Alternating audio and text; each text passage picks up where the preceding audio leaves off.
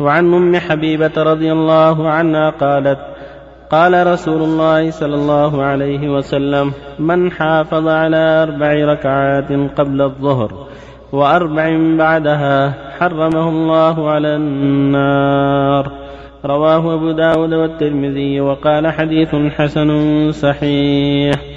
وعن عبد الله بن السائب رضي الله عنه أن رسول الله صلى الله عليه وسلم كان يصلي أربعا بعد أن تزول الشمس قبل الظهر وقال إنها ساعة تفتح فيها أبواب السماء فأحب أن يصعد لي فيها عمل صالح. رواه الترمذي وقال حديث حسن.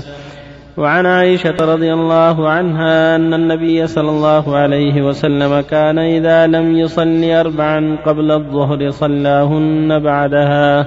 رواه الترمذي وقال حديث حسن. وبالله التوفيق. الحمد لله وصلى الله وسلم على رسول الله وعلى آله وأصحابه ومن اهتدى بهداه. أما بعد قد سبق أن الرسول صلى الله عليه وسلم كان يحافظ على أربع قبل الظهر وهي الراتبة تسليمتان. قبل الظهر وبعدها تسليمة. الجميع ست ركعات مع الظهر كلها رواتب. ويستحب أن يصلي أربعا بعدها يكون جميع ثمان لحديث يوم حبيبة وهو قوله صلى الله عليه وسلم من حافظ على أربع قبل الظهر وأربع بعدها حرمه الله على النار. رواه أهل السنة وأحمد بإسناد صحيح. فالسنة المؤمن أن يحافظ على هذه الركعات يرجو ما عند الله جل وعلا. من حافظ على أربع قبل الظهر وأربع بعدها حرمه الله تعالى. وهذا وعد عظيم وخير كثير. وكذلك الأربعة التي يأتيها جابر الله السائب بعد زوال الشمس فيها في حديثها نظر صحة نظر ولكن يقوم مقامها الأربعة التي في حديث عائشة. كان لا يدعو أربعا قبل الظهر. إذا زالت الشمس صلى أربعا قبل الظهر وهي راتبة الظهر. فينبغي المؤمن أن يحافظ عليها وأن يحرص عليها. يرجو ما عند الله. من المثوبة سبحانه وتعالى.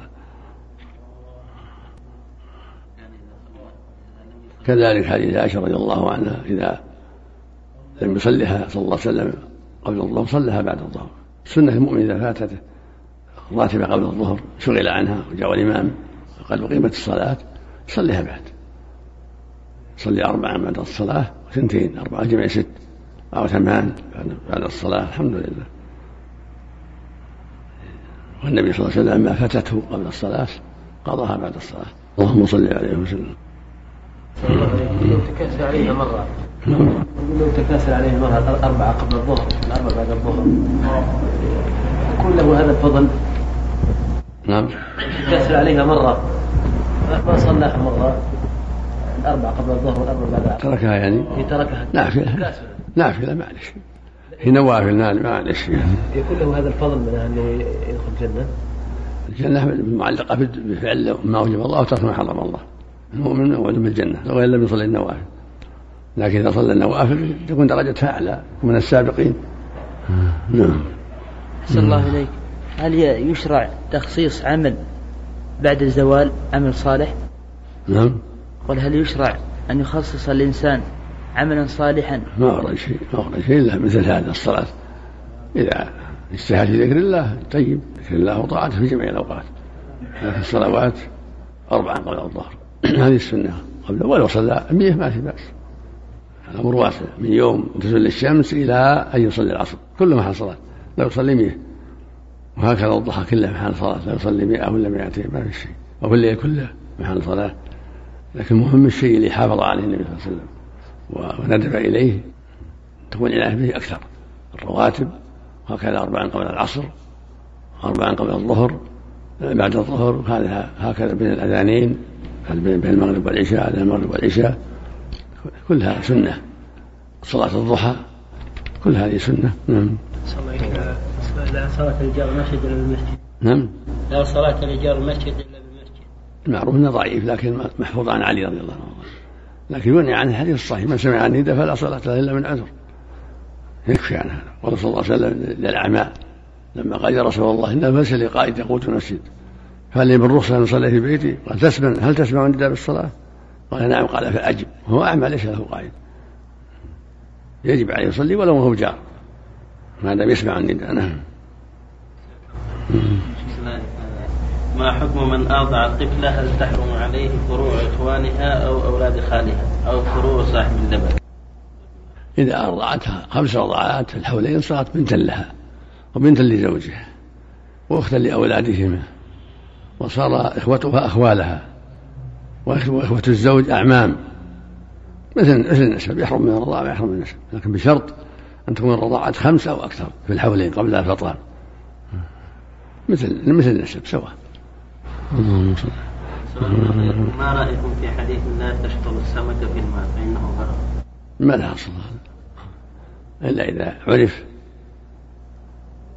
إذا عرف إذا لم يتيسر شراؤه يكون غرق. أما إذا كان في ماء محصور في برشة ولا شيء ما يضر. أما إذا كان في البحر لا يبيع غرض ما يدري حصله ولا ما يحصله. صلى الله عليه وسلم يقضى لآخر الليل أو لصلاة الفجر. مو بشرط إذا كان شراه لكي يأذن يكفي مو بشرط. قد قد يسكت قد يسكت وقد قد يأذن. أقول مو بشرط في شرط هذا مو بشرط. لكن بس يقول هذا من طبعه هذا الشيء. الديكة من طبعها هذا الشيء. الله أكبر الله الله. جاءت في بعض الروايات لكن أصح منها ورحمة الله لا عليها العمل الآن. عن الشذوذ وعن الاختلاف. ولا جاءت في بعض الروايات. زيادة وبركاته. لكن تركها أولى. العمل بالشيء الذي عليه عمل المسلمين الآن هو أولى.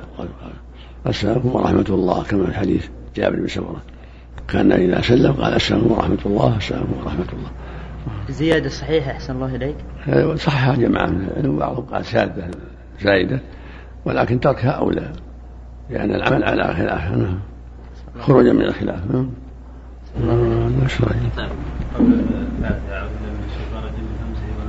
أفضل أفضل.